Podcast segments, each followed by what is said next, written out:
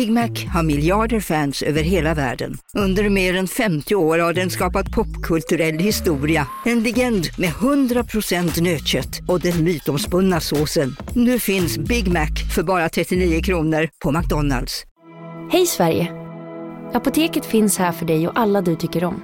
Nu hittar du extra bra pris på massor av produkter hos oss. Allt för att du ska må bra. Välkommen till oss på Apoteket. Okej hörni, gänget! Vad är vårt motto? Nej, allt är inte alltid som du tror. Nu täcker vårt nät 99,3 procent av Sveriges befolkning baserat på röstteckning och folkbokföringsadress. Ta reda på mer på 3.se eller i din 3-butik.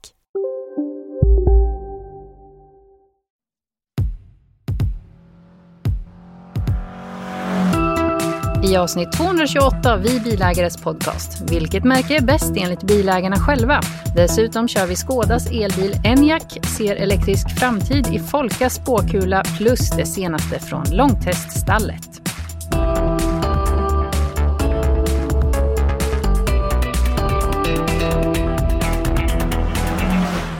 Hej på dig som lyssnar på Vi bilägares podcast. Jag heter Maria Dalin och medverkar i det här avsnittet gör också Claes Garin. Hej, hur är läget med dig?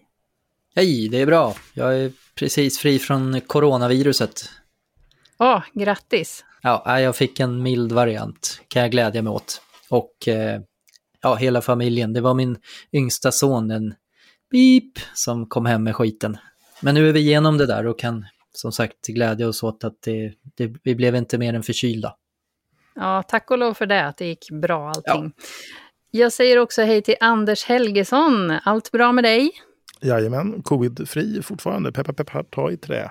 Ja, det är samma som mig. Jag förstår inte hur... Ja, ta i trä för mig också. Eh, sist men inte minst, hej Tommy Wahlström, hur mår du?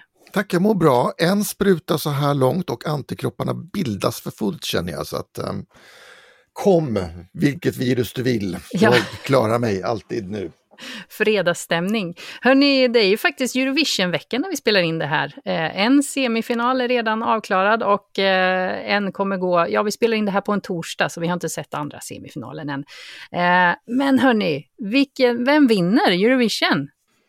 Men var det inte så att Island var förhandstippat och fick corona nu, hela delegationen? Ja, det var några som råkade få det. Men de, de har väl safeat upp det där med att spela in i förväg och så. Så Ja, det kommer ja, ju ja. bli ett uppträdande i alla Jag fall. förstår, jag känner igen det där. Jag sitter ju själv hemma och på distans. Men det är alltså TikTok-optimerad koreografi som är framgångsreceptet. Vad tror Tommy? Jo, Litauen tycker jag väldigt mycket om, men det är många som är bra. Men, men framför allt så tyckte jag att det var väldigt kul att se ett di- direktsänt evenemang igen med en massa publik. Var Ja, inte det roligt? Ja, publikljudet, det var ju väldigt häftigt. Men showen, hörni. Alltså i första delfinalen så fick vi se Johnny Logan sitta på en stol. Ja, Showtime. vad gjorde han där? Ja, det var pausunderhållningen.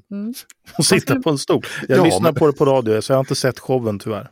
Jag minns 2016 i Globen när Sverige eh, hade evenemanget och jag var på plats och såg ett sånt där genrep. Och det var ju jättehäftigt, det var supershow. Och det var ju Eurovision-vecka i Stockholm den veckan och jag hade faktiskt varit ner på, de hade ju byggt upp en, en scen nere vid slottet. Eller som ett hus där de hade så här Eurovision Club där de hade evenemang hela veckan. Eh, och jag hade varit ner på eftermiddagen där före och eh, hängt lite i baren och lyssnat på schlagerhits och tittat på schlagerdivor som gick förbi. Eh, det var jätteroligt. Mm, de jobbar ju lite i motvind i, i år med det här. Det blir ju inte samma Eurovision-stämning när man kanske inte kan vimla som, som Nej, förr. men, man kan, då eh, får man ju anstränga sig lite mer tycker jag än att bara ta in Johnny Logan och sätta honom på en stol. Nu har ju, jag har ju inte hört alla, men jag är ju... Tommy tittade med avsmak på mig nästan när jag sa det i garaget. Jag har ju haft en svag ådra för Hoverphonics eh, ganska länge eh, och jag tycker att deras bidrag är, helt fantastiskt bra faktiskt. Det är en Varför lagom, då Anders? Ja, men det är ett Varför? lagom anslag av Hoverphonics som det ska vara med ordinarie eh, sångerskan. Och sen finns det någonting, jag är ju stor Depeche Mode-fantast, och det finns någonting Depecheigt i deras basgång den här Mm. gången. Jag vet inte, jag, det tilltalar mig eh, enormt faktiskt. Jag har lyssnat på den här låten långt innan jag fattat att den ska med i Eurovision. Så att eh, jag, jag var liksom lite förhandsinkörd på den. Mina barn älskar ju Ukraina. Det är ju den här eh, flöjtraven i skogen som eh, går varm här hemma på Spotify. Är Jo, men fantastiskt bra låt. Alltså den är så himla udda så att det inte är klokt. Det är jättebra låt att spela om man, om man är stressad, för då blir man ännu mer stressad. Och, ja, det, ja, väldigt eh, skum. Och jag som inte har tittat mer än snabbspolat första semifinalen, jag, jag tycker ändå Tusse har gjort ett väl utfört jobb. Jag blev lite impad också av dokumentären som de släppte dagen innan, eh, hans framträdande. Om Ja, man, det har inte jag sett. Ja, Var den bra? Ja, men jag har inte riktigt förstått hypen, eller jag är väl inte målgruppen heller, vad, vad det är för person som vi har skickat dit. Men det var en riktigt bra, bra dokumentär. Man förstod ju hela hans resa och vilken personlighet och vilken röst verkligen. Ikväll är det då semifinal 2 och ni ska hålla ögonen öppna på första bidraget ut tror jag det är, som kommer från San Marino. Det är svenska låtskrivare, det är Joey och Linnea Deb igen som har varit framme. Men de har gjort den här då eh, jätteroliga låten tycker jag. Och sen så har vi ju då den här rapparen, vad heter han? Eh, Flowrider. Flowrider. Ja, just det, men kommer han som, då? Ja, Åh. som då har lyckats eh, utverka tillstånd att resa från USA till Europa för att vara med i detta. Eh, så att eh, det, blir, det blir kul, tror jag. Mm. Ja. Anders, popquiz. Schweiz, vad är det för bil han har kraschat i videon? Ja, men jag, jag, sa, jag, har ju bara sett, eh, jag har bara sett det på radio. jag, har inte, jag har inte sett det, jag har bara lyssnat på radio. För jag körde så här räckviddstest med, med lite elbilar. Så jag var, satt med en Ionity-laddare och avnjöt det där spektaklet. Så jag, jag vet inte, jag har inte tittat i kapp. Det ser ut som en BMW-kupé tycker T- jag. tillåt mig att snabbt youtubare. Var det Schweiz sa du? Ja, jag är säker på att Anders kan bara så här pinpointa direkt. Svar kommer inom kort. Vi väntar. Jag ska bara eh, scanna hela videon. Jag såg den bara när det låg upp och ner här. Jag ska se om det kommer någon avvikande information, att de byter någonting eller sånt. Men det verkar de inte göra. Har du kommit fram till vad det var? Ja, jag har kommit fram till att det är en BMW E46. Alltså det är den som kom, eh, nu ska vi se, när kom den? 90, kan- 98 kanske? Något sånt? Ja, det är en, en sen 90-talare. 99. 99 Är det en tre-serie-kupé alltså? Det är en 3-serie-kupé. 99-98 där någonstans beroende på motor. Eh, och det här är en facelift. Och när kom faceliften då? Den kanske kom typ 2002, 2003 någonstans. 2003 kanske. Och vad säger de om honom då? Att han har kört en BMW 3-serie-kupé och lagt den på taket på den här vägen? Ja, det han har ju haft tur. Han åker ju längs någon bergskant där ser det ut som. Så att ehm, ja, det, det, det var mer tur än skicklighet. Men han, skulle ju, han har ju plockat bort ett nackstöd av någon helt obegriplig anledning. Ehm, det förstår jag inte riktigt varför man gör. Ehm, passagerarens nackstöd är borta. Det är naturligtvis för kamerorna så man ska se landskapet med genom bakrutan. Sen plockar han ur sig själv ur bilen också, men det förstår man inte heller varför. Men det är, det är konst. Det är en av favoriterna inför kvällens semifinal. Mm. Att gå vidare. Schweiz har bara vunnit en gång va? De vann väl bara första året? De har inte vunnit sedan dess. Céline Dion. Oh, ja just det, jävlar. Jag tänker ju på att hon är kanadensiska. Den lilla detaljen. Mycket franskt verkar det vara i årets eh, Eurovision. Franska fraser, eller helt på franska språket. Eh, ja, men nu, nu fick vi in lite bilar där i Eurovision. Som, eh, det var väl tur det. Eh, vi tar och lämnar eh, Eurovision för nu och så går vi in på nyhetsflödet. Eh, har ni sett någonting eh, i veckan? Tommy, du, du hade någonting från förra veckan som vi pratade om i podden. Ja, men jag är fortfarande väldigt upprörd över förra veckans snackis. Ni, ni pratade då i podden om att anledningen till att bilindustrin nu har sån rackans brist på chips är att man i bilarna använder gamla, enkla, långsamma datorchip som ingen längre vill producera eftersom de är så billiga och ger så lite vinst.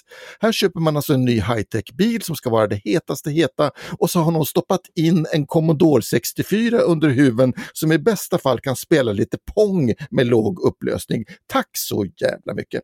Men Anders, du sa något spännande i garaget häromdagen. Berätta vad du sa. Uh, det, det, jag säger så mycket dumt Tommy. Vad sa jag då? Men du, det här du pratade om Tesla och chipbrist. Ja, just det. Det är ju lite märkligt här att vi... Man har inte hört att Tesla lider av det här. Och uh, det här är ju lite snillen spekulera nu då. Men sannolikt beror ju det på att Tesla har en helt annan struktur på sina bilar. Där de har uh, mer sofistikerade chips redan från början. Så att de har ju inte samma bekymmer för de kan gå till en andra tillverkare och plocka in de här komponenterna för de använder modernare grejer helt enkelt som då ska tåla för de här mjukvaruuppdateringarna och sånt och det kan du inte alltid göra med ett gammalt eh, dumt chip helt enkelt. Så att det, det, är en våldsam gissning, men som sagt, de har aldrig protesterat. Det kommer säkert komma en dag när de protesterar också, men jag tror snarare att det kommer ligga i bekymmer att få fram batterier och så. Det har de kanske faktiskt knorrat lite om. Så känner du att du inte vill ha en Commodore 64 utan kanske gå till, inte vet jag, IBM 286 eller till och med 386. Köp en Tesla. Eh, du, då får du en snabb 486 på 66 MHz. Men blir det, blir det inte lite larvigt det här Volvo XC60 Facelift nu? Det här är en smartphone fast större de säljer den inte ens gång som en bil längre. Nej, jag vill, jag vill inte ha chips i min bil. Jag vill ha förgasare tänkte jag säga, men det vill jag inte alls ha. Insprutning är jättebra. Jag vill ha riktiga bilar. Riktig mat, riktiga bilar. Ni förstår vad jag menar. Apropå riktiga bilar så har ju en sån här amerikansk, väl i alla fall klassiker, eh, Ford, den här pickuppen, Ford F150, har kommit som elbil eller elpickup, och då med tilläggsnamnet Lightning. Och eh, där snackar vi frunk. alltså den här främre förvaringsutrymmet. Det, det, är 400 liter som får plats där under ja, det som var motorhuven på andra bilar. Eh, och eh, Ford kallar det här då för en Mega Power Frank, eller Frank kanske man ska säga på yeah. eh, amerikanska. Mega Power Frank. Men det är ju jättebra då om de verkligen låter folk använda det här utrymmet och inte gör som de gjorde på Mustang Mach-E när man i sin megabox stoppar i en massa så här skivor som ska dela av utrymmet så att inte barn ska kunna klättra ner i det. Förstår ni så himmelskt korkat? Men inga barn kan klättra ner i det här då, tror de eller? Ja, jag vet inte. Eller också kommer de att montera in sådana där avdelningar i alla fall innan de väl får ut bilen, eller? Ja, jag, jag vet faktiskt inte, men på bilderna är det inga avdelare i alla fall vad jag kan se. Nej men det var det inte heller på Mustang mach första gången jag såg den, utan det kom ju sen nu när produktionsbilen ah. kom ut, då hade de ju stoppat i det där. Okay. Först, först satte de in en nödöppnare inifrån så att om barnen eller om någon kom in och la sig i frunken fram så skulle de kunna öppna inifrån. Och sen kom de på att nej, men det kanske inte är tillräckligt säkert folk kanske inte hittar den där knappen, så då var de tvungna att sätta i de här avdelarna dessutom och nita fast så att inte någon skulle kunna lägga sig i frunken. Det där har man gjort på Postart 2 också, satt en sån här avdelare. Problemet är att den avdelaren är så stor så den tar ju upp eh, kanske 20 procent av frunkutrymmet. Det är inte så fiffigt. Ja, det var ju en stor snackis när Joe Biden var i Michigan, Dearborn där och eh, provkörde bilen i tisdags. Men har du hört någonting om eh, räckvidd och sånt där? Ja, ja men den har ju lite räckvidd, det har den. Eh, grundmodellen som ska kosta under 40 000 dollar. Det är visserligen före den här shipping taxes och det är ytterligare 1600 dollar, så säg 42 000 dollar, då vad blir det? Ja, det är under 350 000 kronor. Va? Eh, ett fynd. Men då kommer du bara 32 mil också. Eh, däremot kan du få ett större batteripaket och då kommer du 48 mil lite drygt och det är ju faktiskt riktigt bra för det här är ingen liten bil. Och snabb är den. 500 60 någonting hästkrafter. Hur mycket får den lasta? 900 kilo motsvarande och eh, en högsta släpvikt på 4,5 ton. Precis. USA då. Det blir ju jättebra. Ja, någonting för Kalle att dra husvagnen med. Ja, absolut. Han kan ta husvagnen på flaket. Det finns fortfarande 200 kilo kvar och lasta så att säga. 150. Han kan lägga husvagnen i frunken nästan. eh, nej men eh, kommer, kommer den komma till Sverige den här bilen? Som gråimport kommer den säkert komma. Och sen är frågan om Ford eh, Europa känner att de behöver, nu ska de bli helelektriska ganska snart de också, va? men om de känner att de behöver ha ner koldioxidnivåerna. Man har ju pratat om att ta in F150 så otroligt många år nu och ta in det som en Halo-modell, ungefär som en Mustang. Då, då. Eh, vem vet, de kanske gör det. För med priset är ju svinbra. Om de kan hålla det, kan de hålla det under en halv miljon i Europa, då är det ju otroligt bra gjort. Eh, det tror jag inte de kommer kunna, för det är lite skatter och sånt emellan. Men, men vad börjar modell, eh, modell Spaceship, tänkte jag säga. Vad heter den? Cybertruck heter den ju. Ehm, den är ju svindyr i jämförelse, så att ehm, why not? Anders, de säljer ju F150 redan idag eh, hos vissa Ford-handlare, Ford Store. Ja, det är lite så här grå varianten. Det, det, det görs ju ingen officiell import av eh, Ford Motor Corporation. Så att, eh, jag gissar att det är kanadensiska bilar de plockar hit, för de är i stort sett... Eh, ja. De har ju vinterpaketen och det där. Just det. Klas, har du sett något i nyhetsflödet? Ja, vi pratade ju om den här lastbilschauffören som eh, fick för sig att eh, han larmade i alla fall om att hans lastbil skenade eh, för två år sedan. Det var, jag skulle tro att det var den här tiden ungefär. Det visade sig att allt var bara en bluff. Och eh, några dagar sedan så dömdes den här eh, killen för grovt falsklarm. Eh, och de har väl räknat att 90 000 spänn eh, är kostnaderna för hela den här insatsen som eh, slutade med att en grävmaskinist fick eh, rycka ut och göra en liten jordramp så att den här lastbilen kunde då skena ner på en stor åker och stanna där. Och han skyllde ju på felaktiga bromsar men eh, varken sig polisen eller Scania har hittat något fel på lastbilen. Så han har betydligt allvarligare problem, den här killen verkar det som. Men alltså hur gick det till? Alltså han varnade medan han körde att jag har inga bromsar eller? Ja, exakt, eller han eh, ringde in eh, och larmade om att hans lastbil skenade. Och det här var ju då på E20 i maj 2019 då, för nästan exakt två år sedan. Det finns ju en film, kommer ni ihåg den? Någon som sitter på en buss som man har satt fast sprängämnen under så att de kan inte stanna. Utan de måste fortsätta köra Speed. den där bussen. Med Sandra Bullock. Ja! Keanu Reeves. Det var, han, han upplevde sin egen speed där på något sätt. För att det var inte bara det att bromsarna inte funkade, det var ju också att, att gasen liksom inte släppte utan den, den rullade på i full rulle hela tiden. Och det finns ju fantastiska filmklipp som ligger på Youtube då från, som polisen har filmat runt om, när de kör runt med liksom eh, polisbilar och försöker få bort annan trafik och följer efter den här lastbilen som liksom rullar full fart genom det svenska landskapet. eh, ja, dramatiskt. Ja, verkligen.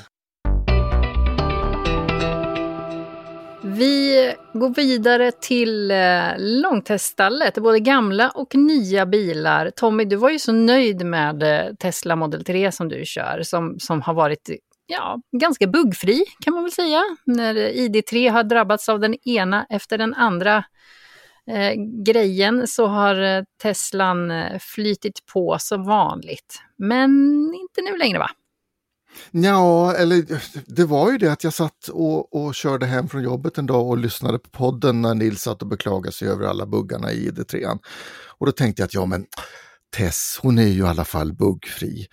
Och precis när jag tänkte den tanken så sa det knäpp i högtalarna och så förlorade hon uppkopplingen med omvärlden. Spotify tystnade, hon tappade kontakten med min mobil och allting var bara liksom borta. Jag då, kan också, tänkte hon. jag kan också, tänkte Tess. Och då fick jag ju köra tvåknappstricket. Ni vet, man håller inne bägge rattknapparna samtidigt och startar om systemet. Och det gör man när man äh, kör? Ja, det kan man göra när man kör. Ja, man tappar ju hastighetsmätare också eftersom allting sitter ihop i den här skärmen och den blir ju svart när det startar om. Så att jag körde väl några minuter där blankt genom, fast det var genom Stockholms innerstad så att det var bara att följa efter bilen framför. Eh, men jag startade om och sen så kom det tillbaka och test funkar igen. Men eh, jag vill be om ursäkt på förhand nu för att jag sitter med mobilen faktiskt här i studion. Eh, påslagen för jag har telefonjour. Ja. Det är nämligen så att jag har lånat ut Tess till mina kära föräldrar några dagar. Och vi hade genomgång igår när jag var uppe och lämnade den och de blev så här liksom jag såg hur de blev blanka på ögonen. Det var som man hade dragit ner en dimma över deras ansikten när jag började prata om, om appar och röststyrning och, och undermenyer och pekskärmar och laddning eh, och sådär. Så att eh, de har ringt en gång, de ringde nu här på morgonen och, och då fick de inte igång den. det, det du är inte rädd om ditt arv, Tommy? Nej, men det visar sig då att, att eh, deras telefoner måste man trycka på eh, själva Tesla-appen för att den ska etablera kontakt med bilen. De har inte det här aktiviteter i bakgrunden påslagen. Och det måste man ju då göra för att kunna använda telefonen som nyckel och sådär. Och det tog en stund innan vi lyckades klura ut det där. Men, men, men nu tror jag att de är på banan och jag tänker ändå att hundratusentals amerikaner kör runt i Tesla och det går ju. Så då borde väl även mina glada 70 plus föräldrar fixa detta under några dagar. Mm, jag ska säga amerikanerna kör oftast omkring och det går oftast bra. Eh, kan man ju säga. Ja. Om man ja. inte är läkare då sitter i baksätet. Mm. Nej, ja, precis. Men jag måste säga Men... det är, det, är, synd om mina föräldrar. Häromdagen så skulle de köra iväg med sin egen bil. Då. De har en, en BMW 520 från 2014 som har gått 15 000 mil. Och de kom liksom 200 meter från huset så tappade motorn all kraft, alla varningslampor tändes på panelen och det började rassla från motorn. Då är det kamkedjan som har hoppat av, slagit sönder allting, motorn har rasat, en utbytesmotor kostar 100 000 spänn monterad och klar i bilen. Oj. Och den är värd typ ja, 110-120 kanske. Vi måste ändå gratulera dem till att den inte börjar brinna. Eller i och för sig, när det är sånt här motorras kanske det är bättre att låta den brinna. ja, ja, då hade de väl fått ut på försäkringen, men maskinskadeförsäkringen hade ju gått ut och liksom sådär så att... Uh, det, det, där, där bara... det där är ju ett tufft val när det liksom inte mm. lönar sig eh, att reparera. Det, ja. ja, nej men det är bara att försöka sälja delar och hoppas att någon vill ha växellådan eller något. Så man får ut några kronor liksom för den. För det, ah. Och så får de köra test nu några dagar medan de letar någon annan bil. Ja. Mm. Klas, hur, har, det, har det hänt någonting med din långtestbil? Du har ju tagit över Honda Jazz Crossstar från mig. Ja, äh, jag sitter och njuter av den mjuka gången. Jag, liksom, jag kör i, i fartgupp i 80 km i timmen utan några som helst problem. det bara Klas, vilka vägar har du 80 km i tillåten hastighet och fartgupp? Ja, det här låter inte bra den här kombon. Nej, precis. Um... Ja, det är liksom bara, det bara pluppar till lite i stolen sådär. Det är bästa bilen jag någonsin har haft. Nej, ja. men eh, det är faktiskt in, inga sådana farter inblandade. Och det är väl inget. Nej. Bra. Men eh, jag, jag såg, insåg faktiskt, vi har ju på Sveavägen eh, utanför redaktionen, så har vi ganska kraftiga fartbulor. Och jag vet inte, kan det vara 30 eller 50 där på Sveavägen? Ja, det är 50 faktiskt. Ja, 50. Och de där, jag vet inte om det är för den här Stockholm Cruising som de där har kommit upp, för det har ju bränts gummi och körts street race där i, i många år. Men det är väl det är en sträcka som är ganska lång och rak där ut mot eh, Wennergren Center. Och där får man ju verkligen ja, pallnita om man inte vet att de är där, de där guppen. Men den här eh, Honda Jazzen kan jag i alla fall köra över liksom i 2030. Det är imponerande hur mjuk fjädring den har. Däremot så stör jag mig lite på vibrationer i eh, instrumentpanelen. Alltså den översta delen mot rutan tycker jag vibrerar i vissa farter. Eh, men vi får följa upp det. Ja, och jag kör ju Seat Leon, laddhybriden. Den, eh, vad, var, vad, var, vad var det du liknade den vid, Anders? En, en onykter snok? Ja, en precis skadeskjuten så. kråka. Du har tur, du har åkt på sommardäck så att då går den mycket, mycket bättre. Den gör det för att jag märker inte så mycket av det här. Men i och för sig så klagade vi på spårkänslighet på, när vi hade BMWn. Eh, var det förra året vi hade? Ja, det var det va? Eh, och eh, där tyckte inte jag heller att jag kände av så mycket spårkänslighet. Så att jag kanske är lite sned själv. att jag inte den är det. otroligt mycket bättre Maria, så att du, du lider inte av de där vinterdäcken. Har du det varmt i kupén? Eh, nej, den har inte nej. flippat ur på mig. Jag var mm. lite rädd sådär när jag skulle sköta klimatanläggningen först. Så här, bara, nej, bli inte galen nu. Men nej, den har inte buggat ur eller gjort något konstigt mot mig i alla fall. Däremot har jag blivit lite manisk att jag är någon slags eh, elbils wannabe och försöker hela tiden ladda batteriet och köra på el överallt. Eh, de här små sträckorna som det blir liksom till inköp och eh, ja, de vardagliga bestyren helt enkelt. Och, Men är inte det den vanliga laddubridsjukan? Blir man inte riktigt ofta så med, med laddhybrider att man försöker köra så mycket som möjligt på el och man ser det som ett personligt misslyckande varje gång bensinmotorn startar? Ja, men det gör man ju. Och jag blir alldeles eh, manisk i det här. Att jag, jag springer och laddar, åker och laddar det här lilla, är det 13 kilowattimmars batteri eller vad är det? Något sånt där. Och du åker också och laddar, det är ju fruktansvärt. Du måste vara den enda personen i Sverige som, som beter dig på det där sättet. Det tror inte jag. Jag tror att det är många som gör så. Ja, jag tror att det finns de som gör motsatsen också. Eh, har en, eh, en, bil som jag observerar eh, regelbundet, en Ford Explorer. Och även, samma person har även en Kia Optima. Båda är laddhybrider. Eh, jag har aldrig sett dem inpluggade. Aldrig. Så att de kör nog på tomma batterier för jämnan. Och det, det känns som sånt slöseri, tycker jag. Ja, jag vet inte. Ja, Ja. men det går eh, fort då Maria när du snapsar upp de där eh, fem, fem milen. Eh, tre, fyra timmar tar det ju. Eh, den laddar ju inte snabbt. Det är ju ingen snabbladdningsuttag eh, på den här. Utan Hur trivs är- du hemma egentligen Maria? Är det någonting, har det hänt någonting under covid-pandemin? Nej, men jag gör så här. Jag, jag tänker det här med eh, vardagsmotion försöker jag ju få in. Så att det är ju två kilometer till laddaren. Antingen promenera eller ta en löptur, eh, lämna bilen där och så hem. Nackdelen är ju att jag, jag kan inte se någonting i den här appen vad, vad laddstatus. Så jag får ju bara gissa när den kan vara full-laddad. Men vadå, du lämnar bilen, du springer i fyra timmar och sen så hämtar du upp det. Kör du ett maraton varje gång du laddar? Jag springer hem två kilometer därifrån. så springer jag tillbaks igen två kilometer till. Då har jag fått fyra kilometer. Jättebra. Eh, så då, då får man in det, hälsoaspekten på det hela. Det är hälsosamt att äga laddhybrid. Jo, jag kom på en till sak. Den kvittrar ju väldigt mycket, Seaten, när man kör. Det är sånt vind... Kvittrar? Ja, det är vindbruset gör att det kvittrar. Från, den har något slags konstigt litet ljud för Det är sig. inte din tinnitus du hör? Nej, alltså, det är inte min tinnitus, det är bilen. Och det låter i låga hastigheter, alltså typ 50-60. Har ni tänkt på det, att den, att den har sitt, ett litet ljud för sig? Ja, det märkliga är att det, det kom under säsongen. Det var inte i vintras, men sen har, sen har det kommit. Så jag undrar vad det är som har hänt med de där dörrlistorna. Vårkänslor kanske? Möjligt. Ja, vårfåglarna. Mm. Ni har, vi har fått koltrastar i seten. Ja, för det låter verkligen som, som det, som ett litet kvitter. Ja. Anders, hur har du det i din långtestare? Jag vet inte. Den är Du vet- utlånad. Du har inte kört den ens? Nej, ja, jag har kört Ja, jo, men jag, jo, faktiskt. Jag har kört den ett par gånger. Eh, fruktansvärt hård stol. Eh, jag har inte kört Vilken bil har du? Mercedes GLB har jag. Mm. Eh, och den funkar. Och den kan dra båten. Eh, Ja. Fyrhjulsdriften la inte av och det gick jättebra. Den skötte sig exemplariskt vid sjösättningen. Eh, och jag provade även att köra upp för innan jag hade sjösatt båten. Så den, den, den klarar sig utmärkt.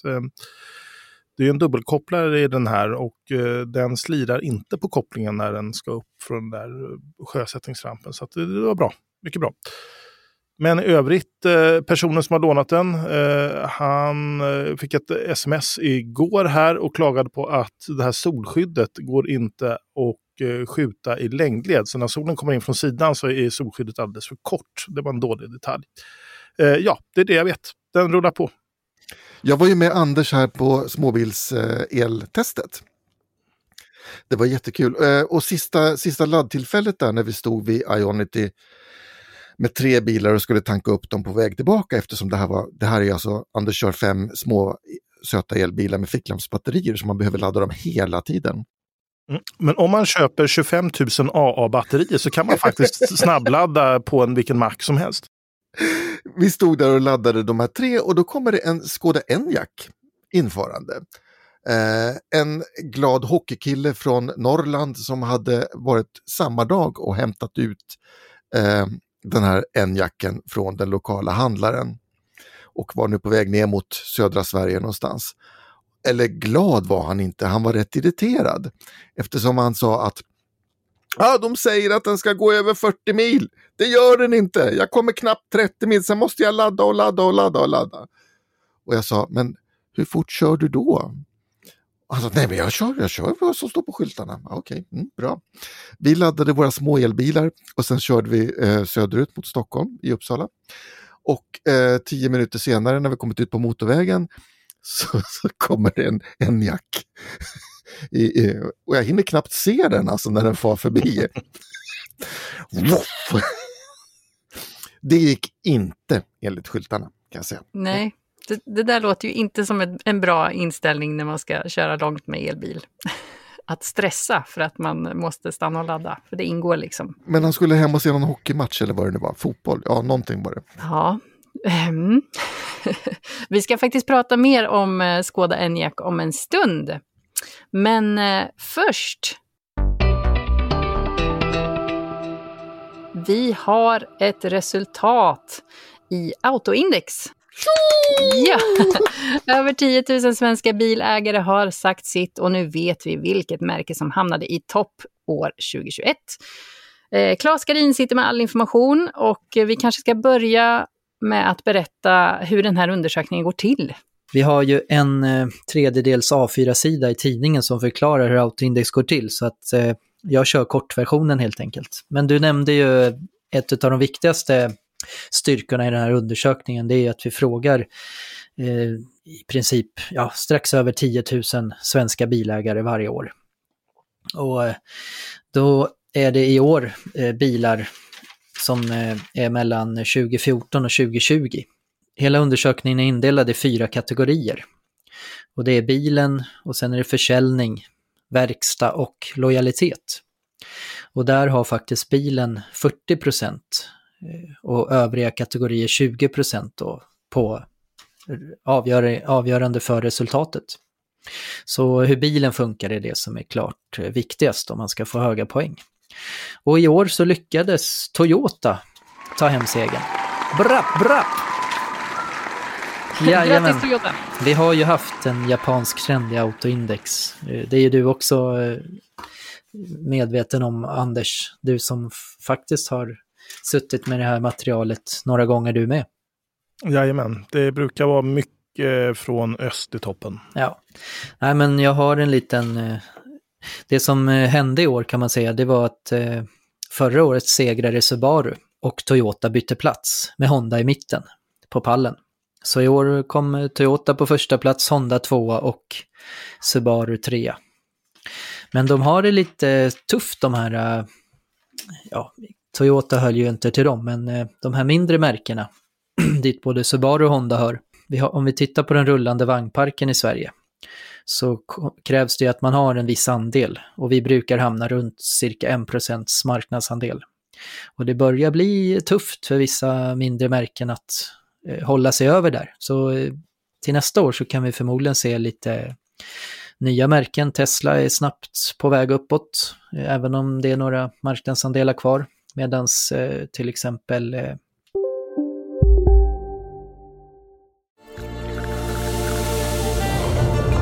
Välkommen till Maccafé på utvalda McDonalds restauranger med Baristakaffe till rimligt pris. Vad sägs om en latte eller cappuccino för bara 35 kronor? Alltid gjorda av våra utbildade baristor. Hej, Synoptik här. Hos oss får du hjälp med att ta hand om din ögonhälsa. Med vår synundersökning kan vi upptäcka både synförändringar och tecken på vanliga ögonsjukdomar. Boka tid på synoptik.se. Ska några små tassar flytta in hos dig? Hos Trygg Hansa får din valp eller kattunge 25% rabatt på försäkringen första året. Läs mer och teckna djurförsäkringen på trygghansa.se. Trygg Hansa, trygghet för livet.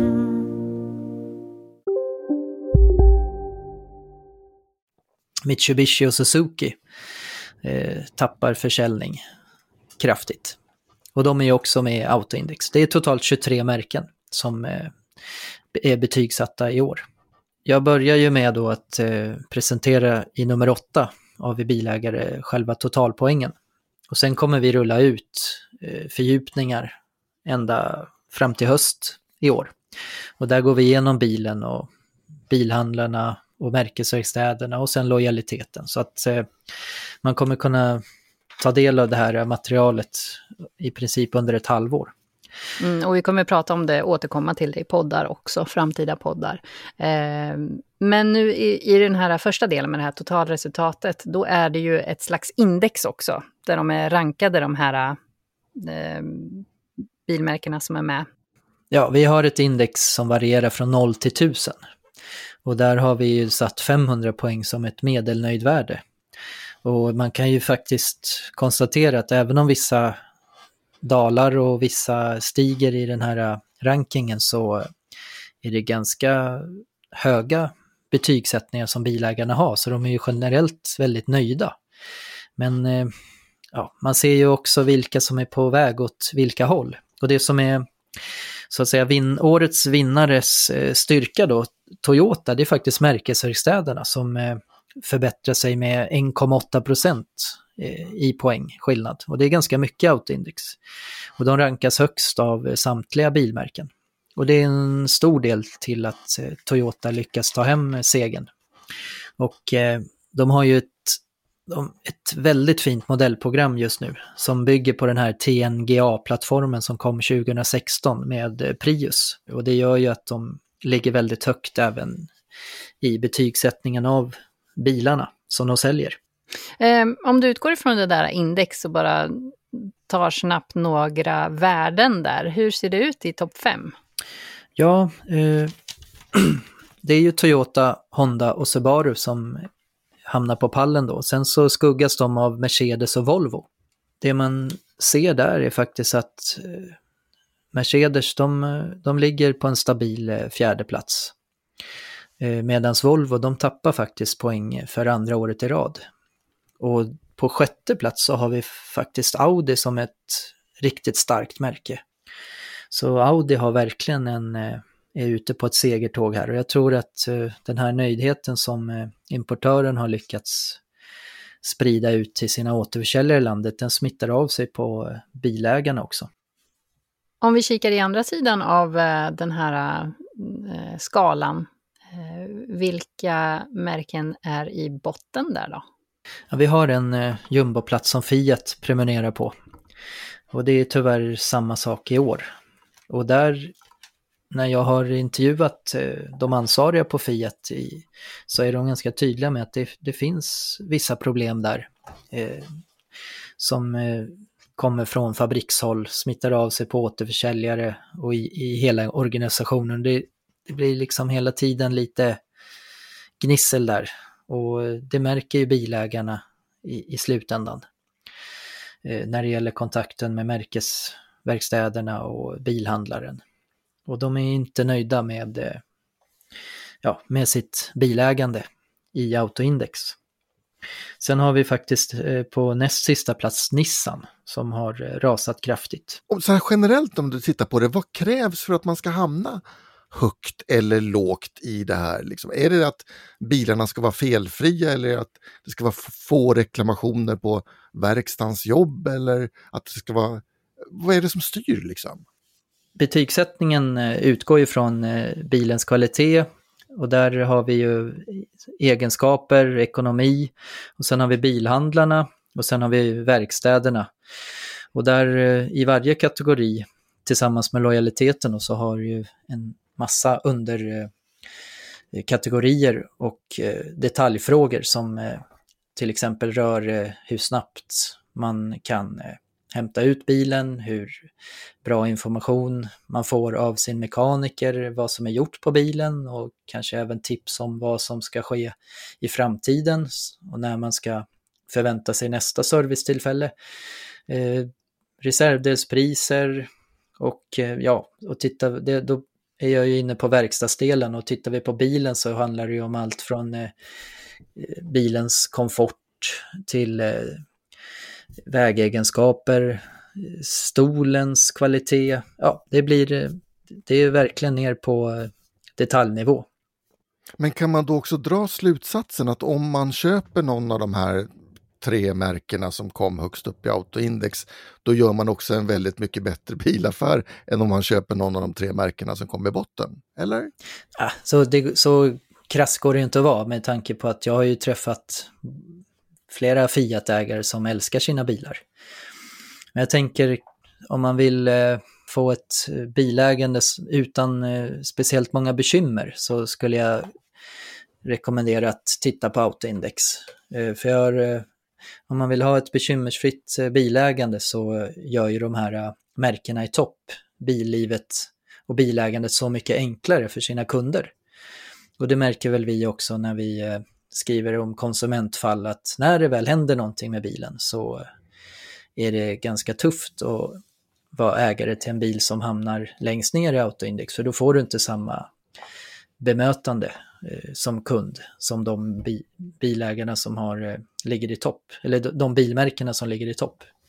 Då har jag bara en fråga till. Hur ligger BMW i den här? Volvo och BMW, det är de två premiumtillverkarna som är ensamma om att tappa poäng faktiskt gällande just eh, bilens egenskaper, kvalitet och ekonomi. Och då pratar vi alltså bilkategorin då, den av absolut viktigaste. Men det man ser där är att eh, Volvo och BMW tappar och har faktiskt lite problem med eh, sin kvalitet. Du tänker dina föräldrar där, Tommy? Mm -hmm. Mm -hmm. Jag tänker på den provkörningsbil vi hade inne här i veckan som var en BMW. Där eh, hela instrumentgruppen bara bzzz, försvann. Svart. Det är inte buggfritt där heller, alltså med andra ord. Nej, inte riktigt. Och eh, vill man då läsa och fördjupa sig i det här, se hela listan och eh, alla tabeller, så i den här första delen av Autoindex så finns det ju i nummer åtta av tidningen och även på webben att läsa. Och som sagt, det kommer mer delar i den här Autoindex. Vi har ju pratat om eh, Skoda Enyaq flera gånger i den här podden. Anders har kört den när den var hemlig och täckt i ett schabrak och jag fick titta på den och i den, men inte köra den, när svenska Skåda hade ett eh, event i höstas. Men nu, Anders, har du kört den här bilen, omaskerad och färdig, på svensk mark, eller hur? Omaskerad, färdig, och tjeckisk registrad, så det var ändå en förseriebil. Okej, okay, det var eh, inte riktigt, men nästan. Inte riktigt, ja men det, det var jättesen produktion. Det är verkligen eh, absolut sista innan de drar igång den riktiga serietillverkningen. Det märks ingen skillnad. Förmodligen kanske den var till och med produktionsband dag ett. Den, eh, ja, vi har ju pratat om den här tidigare så att ni som har lyssnat på podden vet att den här bygger på MEB-plattformen och det är samma plattform som vi har på våran ID3 och som kommer på en rad andra bilar. ID4, Audi Q4, E-tron och en bunt till. Elborn kommer du också här se att så att vi kommer nöta på den här plattan och Eh, med Skoda kaross på så tycker jag att det är en riktig fullträff. Det märks att man haft lite mer tid på sig än vad de haft i ID3. För, eh, nu har inte jag kört, jo det har jag visst, jag har visst kört eh, ID4, men ehm, det var ett tag sedan. Den här, man märker ju direkt att det här är mer genomarbetat. Bara en sån sak som att eh, mediaskärmen inte hängde sig någon gång under körningen var ju en stor succé. Mediaskärmen förut, den är på 13 tum istället för Volkswagen har väl 10 tror jag. Den gör en jätteskillnad i hur stor den upplevs. Ehm, mycket lättare att komma runt i menyerna och man kan dessutom eh, med den här extra ytan har man lämnat lite utrymme så att klimatanläggningsfunktioner och sånt ligger direkt på skärmen. Visst, den är pekskärm fortfarande, men du kan toucha direkt så att du behöver inte in och gräva i systemet på samma sätt som du kanske behöver då i ID3. Så det är positivt. Plus att du har några fysiska knappar som fjädrar när man trycker på dem, bara en sån sak. Om man jämför då med ID4, visst är det så att Enyaq har större bagageutrymme? Eh, ja, jag, jag, kan inte svara exakt på, på liter när hur mycket större det är, men det känns större för att det är en lite längre bil. Men det är 585 liter ryms eh, i bagaget och hela 1710 om man fäller. Och fäller man så blir det i stort sett platt, så att det är lättlastat och bra. Hur är den att köra då, tycker du? För vi har ju klagat lite på ID3, att den har varit lite sådär eh, bedövad i sin markkontakt. Hur är eh, Enyaq att köra? Jo, men det är väl lite samma lika, fast jag tycker nog att den är bättre. Nu hade inte jag kört ID3 på ett par veckor innan jag eh, körde den här. Jag kanske skulle ha gjort det egentligen för att kunna ge ett mer eh, riktigt omdöme. Men jag tycker den känns bättre. Det är mer närvaro, men det är fortfarande en bit kvar till liksom en Golf eller en Octavia som bygger på eh, MQB-plattformen. Det, det, är det, men eh, det, det är trivsam. Liksom. Det, det, är en trevlig bil. Superbra vändradio förstås. Den är ju bakhjulsdriven den här. Det kommer ju komma med fyrhjulsdrift här under eh, sensommaren, tidig höst eh, kan man beställa med eh, drivning på alla fyra. Då kommer även RS-modellen med 300 hästkrafter. Men handlar det inte lite om biltypen också Anders? Jag menar ID3 är ju ändå ganska liten, kompakt. Man tänker att den ska vara lite slängig och kul. Medan då eh, Enyaq, den är ju en ganska stor familjesuv, eller? Ja, det är den. Den är ju 4,65 så den är ju, vad blir det? Det är över 40 centimeter längre va? Ja, och jag tänker att då kanske man inte förväntar sig att den ska vara så här pigg och rapp och, och, Nej. och kul som man ändå kanske tänker att en vanlig golfklassare typ som ID3 ska vara. Ja, men om vi, om vi jämför med en Kodiak då till exempel så är Kodiak har ju betydligt trevligare styrning än vad, än vad den här har. Det, du har med liksom återkoppling, vad som händer i vägen. Men, men som biltyp så tycker jag att absolut, den levererar ju en mycket trivsam körkänsla. Det kanske inte är supersportig, men det kommer komma en RS-modell och då kanske de fixar det. Då, då. Men eh, annars är det ju just kanske inte körglädjen utan körkomforten som är liksom bilens forte verkligen. För den är ju den är väldigt tyst. Fjädringen, det är sån här elektroniska som vi har eh, berömt flera gånger. Ställbara 13-steg eller vad det är och den är ju Alltså den går ju fantastiskt bra på vägen. Otroligt bekväm och eh, riktigt fin långfärdskomfort. Det är ju synd att man inte kommer längre, men det här med ett stort batteripaket det är 82 kilowattimmar tror jag, men du kommer åt lite drygt 77 kilowattimmar. Eh, det är ju 53 mil då enligt VLTP och det är ju ganska långt ändå. Eh, vad, vad, vad, sa hockeyspelaren sa du Tommy? 30 mil sa han, men som sagt, vi vet inte riktigt vilken hastighet han höll. Nej. Nej. och inte vilka däck han har kört på heller kanske. Eh, har han kört på vinterdäck? Nej, det där var bara Nej, det var sommarhjul. Han, ja. han hade hämtat bilen samma dag. Jaha, och, ja. då, då, har han, då kommer den tappa, eller, eller tappa, de kommer den öka lite i räckvidd då också när det blir inkört. För det är alltid lite motstånd extra där i början. Men kör man 150, jag vet inte om man gjorde det, men om man kör 150 med en Enyaq kan jag tänka mig att den suger rätt mycket sås. Om, om man frågar när det gäller räckvidden, Anders, Eh, vet du vad de mäter på? Eh, vilken hastighet? Ja, det är ju en körcykel ungefär som eh, den gamla körcykeln. Det är bara att den är lite tuffare accelerationer och det är lite längre perioder i högre hastighet. Men det är, ju, det är fortfarande en ganska tydlig stadsfördel över de här körningarna. Sen gör ju VLTP de gör ju en regelrätt stadskörning också och då kommer de ju väldigt mycket längre eftersom du får en mer fördelaktig bromsregenerering. Och bromsregenerering på den här, den är, tycker jag, då väldigt bra för att den har den, den strävar hela tiden efter att segla bilen, alltså friljusrulla. Och det är ju ett energieffektivt om du har lite framförhållning i en körning. Du kan alltså inte köra så här one pedal driving som till exempel Nissan Leaf och BMW 3 och med flera elbilar då har. Att den är väldigt abrupt. Så fort du släpper gasen helt, då bromsar den kraftigt och bromsar ner till stillastående. Eh, det kräver, kan man den tekniken så är, finns det en bekvämlighetsfaktor att behöva flytta foten från bromsen. Men jag tror de absolut flesta tycker att det både är jobbigt och det blir inte riktigt lika effektivt. För det är mycket bättre att aldrig göra åt energi än att återvinna den. Men Anders, var ska man göra av sladden? Ja, det finns ju ingen frunk. Utav förklarliga skäl. Nej. Däremot finns det ett litet sladdgarage där bak. Och det är en plastlåda, eh, vill jag minnas. Så att den, den är ju väderskyddad, så att vi bara slänga ner den blöta sladden. Men det är klart. Om du inte har packat mm, Har du packat då? så har du ju packat. Och då kommer ju då Marias, som vi har väntat på, ja. sladdrengöraren in. Ja. Hade du en sån? Det fanns ingen med i bilen. Nej. Men jag har fått se den på bild. Och eh, sitter ni ner, för nu kommer ni bli besvikna. Det är alltså då en tvättsvamp i en plasthållare som man kan dra igenom sladden. Du viker upp den, eh, tänk en Scotch Brite. Tänk att har två Scotch Brite i en liten plasthållare, så ser det ut.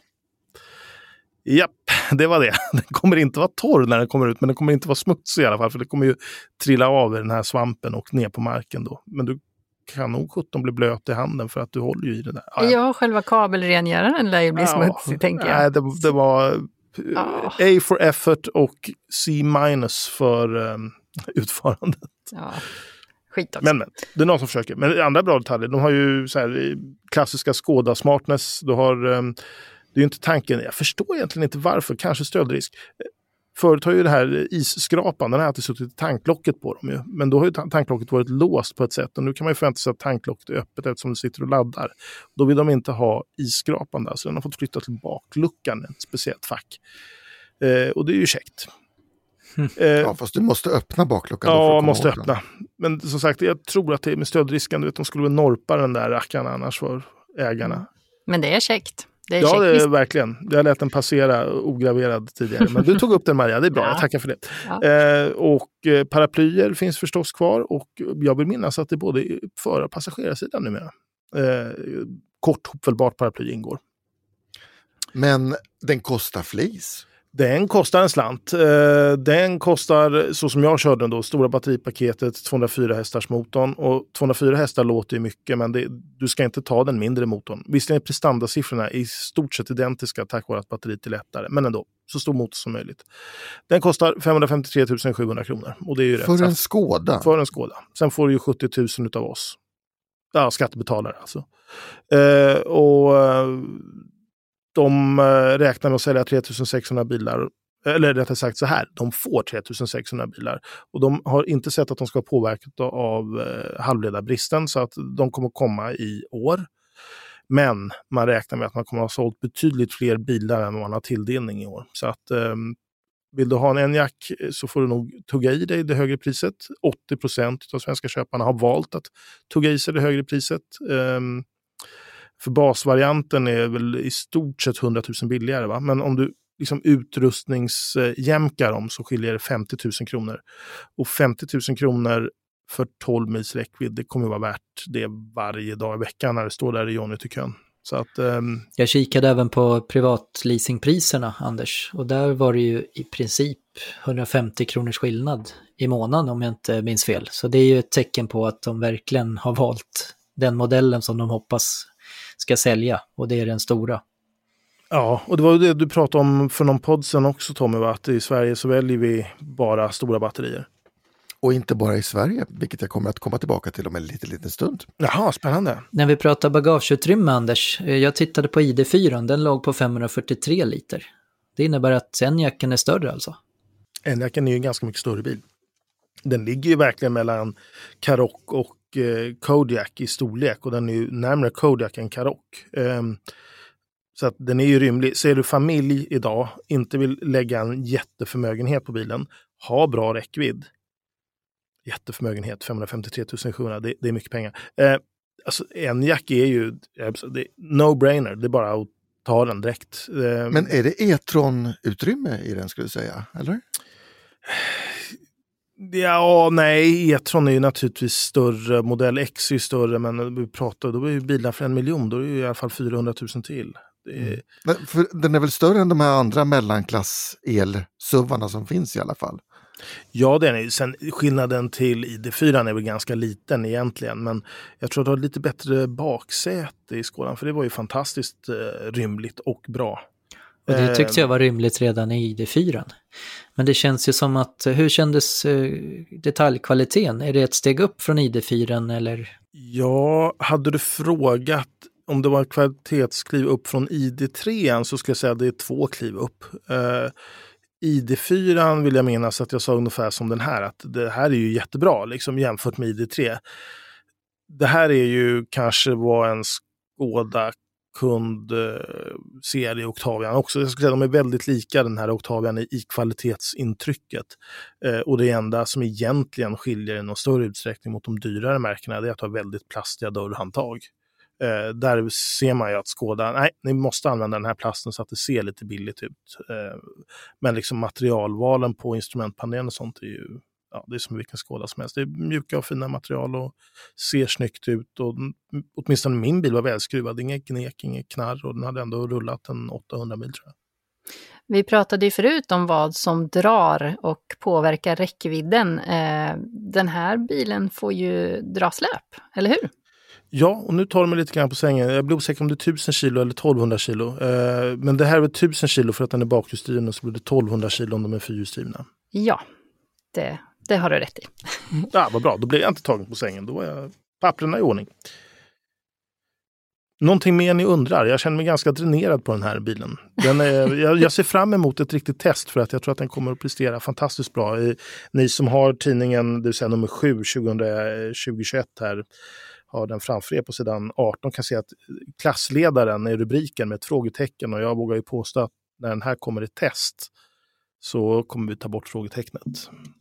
Wow, höga förväntningar. Extremt höga förväntningar. Ja. Hoppas jag att eh, jag blir motbevisad nu då. Men eh, ja, att någon slår det här, för då är det en fantastiskt bra elbil. Men jag tror den blir jättetuff för många. Åtminstone tills koreanerna kommer. Tommy, du har fått en inblick i hur eh, Volkswagen tänker sig framtiden och kanske också ser på nutiden i ett elektricitetsseminarium, eller hur? Volkswagen Way to Zero hette det, ett digitalt seminarium som handlade om elbilar och elektrifiering och eh, hur vi ska kunna behålla en mobilitet med en någorlunda bevarad miljö framöver. Mm. Det har varit jättespännande faktiskt. Eh, bland annat så redovisade man en stor enkät man hade gjort bland europeiska eh, elbilsförare och som då sa att 90% av de som idag kör elbil kan inte tänka sig att gå tillbaka till förbränningsmotor. De har blivit permanent omvända. Mm. Du sa någonting förut också när vi pratade om Enyaq, att det är inte bara svenskar som väljer stora batterier. Nej, man har ju gjort en enkätundersökning då för att se vad folk har för preferenser när det gäller räckvidd. Hur mycket behöver man egentligen? Man har ju tidigare pratat mycket om att kostnader är viktigare än räckvidd för kunderna och att många skulle kunna klara sig med en bil som bara går 20 mil eftersom man inte kör mer än vad det nu är, 3, 4, 5, 6 mil per dag. Men det här visar sig inte alls vara applicerbart på europeiska kunder. I Kina kan man tänka sig en kortare räckvidd men i Europa så vill man ha betydligt längre. Eh, om man har en elbil som familjens andra bil så tycker man att 30-40 mil är tillräckligt. Eh, normalkonsumenten som har en elbil som första bil vill ha 50 till 60 mil och premiumköpare nöjer sig inte med mindre än 70 till 80 mils räckvidd på sin elbil. De vill inte ladda ofta. De vill inte ladda ofta och det vet ju vi som kör elbil att det vill man inte. För även om man nu säger att det ska ta 20 minuter att fylla 80% av batteriet eller vad det nu är man säger, så gör du ju aldrig det i verkligheten. Och man ska ändå av och man ska hitta ett ställe som är ledigt och man ska få appen att fungera och man ska få allting och, och, och sådär. Och det är, det tar tid alltså. Vår kollega Nils eh, kom blek till arbetet häromdagen och berättade att hans, han hade varit tvungen att lova sin fru att aldrig mer köra långresa med elbil efter att de suttit sju och en halv timme med två skrikande barn i baksätet på en resa som normalt tar fem timmar att göra. Ja. Och mycket beror ju på att det var kö nu och det har ju sålts en jäkla massa elbilar så nu börjar det bli kö framför laddplatserna. Var hans eh, reflektion. Jag har en, jag tror inte han misstycker, jag har en liten direktrapport här från tiden när Nils åkte då med sin familj. Det kom ett upprört sms eh, med bilder då på ID3 som står och laddar med en Ionity-laddare. Eh, VVs ID-satsning har förstört helgresandet. Trångt även på Ionity idag. Gränna, en stolpe-funktion. En EQC och två ID3 laddar. En ID3 och en ID4 köar. En kona samt en Polestar 2 dök upp men drog vidare. Mantorp, fulla bås med en EQA, två stycken ID4 samt två ID3. Några minuter senare. Och då har inte en Jack och Q4 rullats ut än halvirriterad stämning i Gränna då både EQC samt ID3 laddade strax över 90 procent. Jag har provsmakat framtiden. Den var bitter. Stackars Nils. Ja, det tätnar kring laddstolparna alltså. Det är, det är ett hårt liv där ute på vägarna. Men det kommer att komma fler elbilar mina vänner. Eh, Volkswagen berättade på det här seminariet då att man till år 2030 ska ha ställt om så att 70% av de bilar som tillverkas av Volkswagen i Europa ska vara elbilar år 2030. Man ska lansera en ny elbil varje år från och med nu fram till år 2030 och några av de som kommer här framöver då är ju nästa år ID Bus. Bussen, eller? Bussen, mm. ja. Eh, Anders, du är väldigt intresserad av den. Ja, den tror jag jättemycket på. Vi får se då. 2023 är det nämligen tänkt att Marias bil ska komma. Ja. ID Space Vision, 60 mils räckvidd och kombikaross. En eldriven kombi. Mm. Jag applåderar. Yay. 2025 ska det komma en mindre elbilsplatta, steget under MEB, för de små bilarna i Volkswagen-koncernen. 2025-2026 så kommer nästa generation från eh, Volkswagen på plattformen Trinity. Då är alltså MEB borta och så ska man börja med någonting nytt. Eh, en av de ansvariga, Burak Yilmaz, eh, som har varit med och byggt, tagit fram ID3 och ID4 var med på det här seminariet.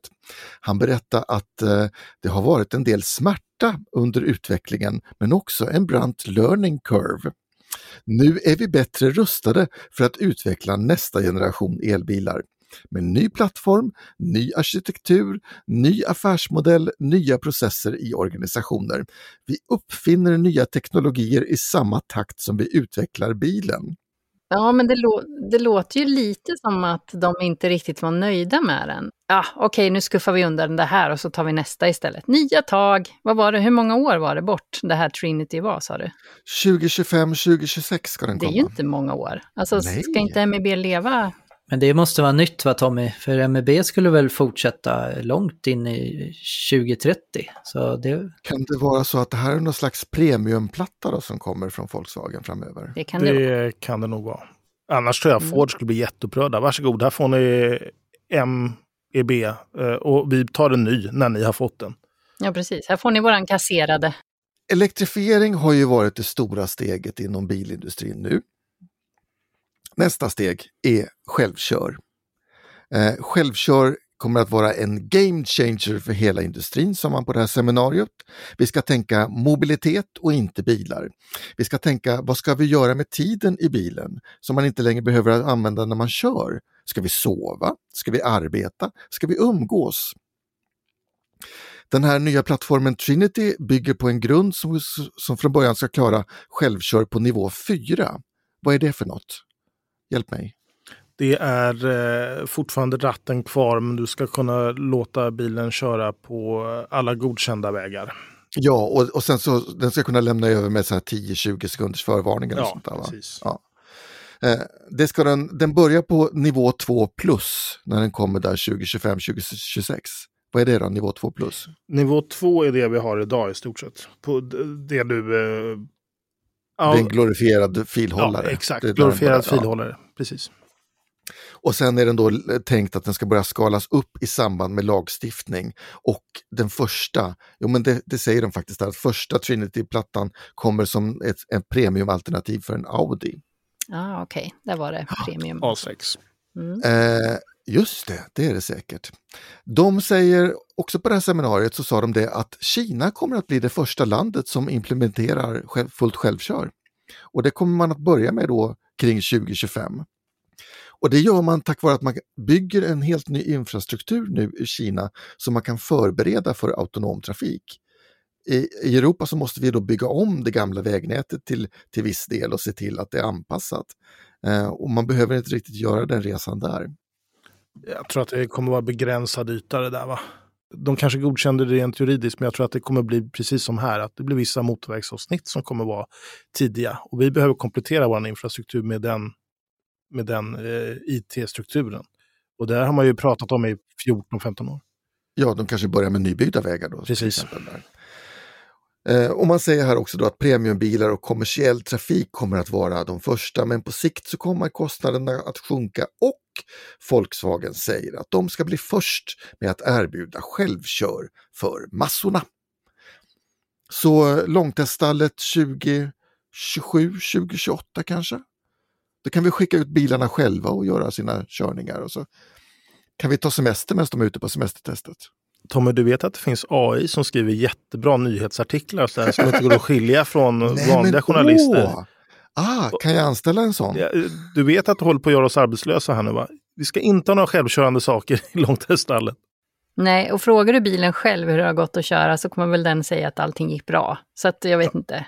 Särskilt om den kommer från Volkswagen. Hur mycket ström gick åt? Jättelite. Var det ren ström? Absolut. Ja, vi får väl eh, se då vad, vad för framtiden blir för oss i eh, långteststallet och för Volkswagen eh, som stort också och eh, bilvärlden. Och det var faktiskt allt för den här gången. Tack för att du lyssnat och Vi Bilägares podcast är tillbaka om en vecka. Tills dess, kör försiktigt, ta hand om varandra i trafiken och heja Tusse i Eurovision. Hej då! Ja, hej då! Heja! Hej då! Hej då! Du har hört Vi Bilägares podcast. Om du inte redan prenumererar på podden så gör gärna det, så missar du inte något avsnitt. De senaste nyheterna hittar du på vår hemsida, vibilagare.se.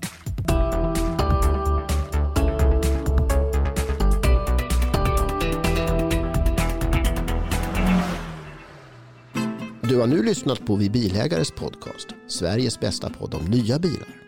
Känner du dig nu sugen på något som är lite mindre aktuellt? Ratta över till Studio Klassiker, tidningen Klassikers podcast. Här diskuterar Klassikers redaktion allt som har med klassiska bilar att göra. Vi kör, vi mekar, vi våndas och vi skrattar. Sök efter Studio Klassiker där poddar finns. Du kan också hitta Studio Klassiker på www.klassiker.nu podcast. Vi hörs!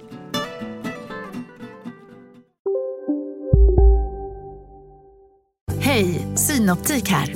Livet med glasögon ska vara bekymmersfritt. Därför får du 30% på alla glasögon när du väljer Synoptik All Inclusive.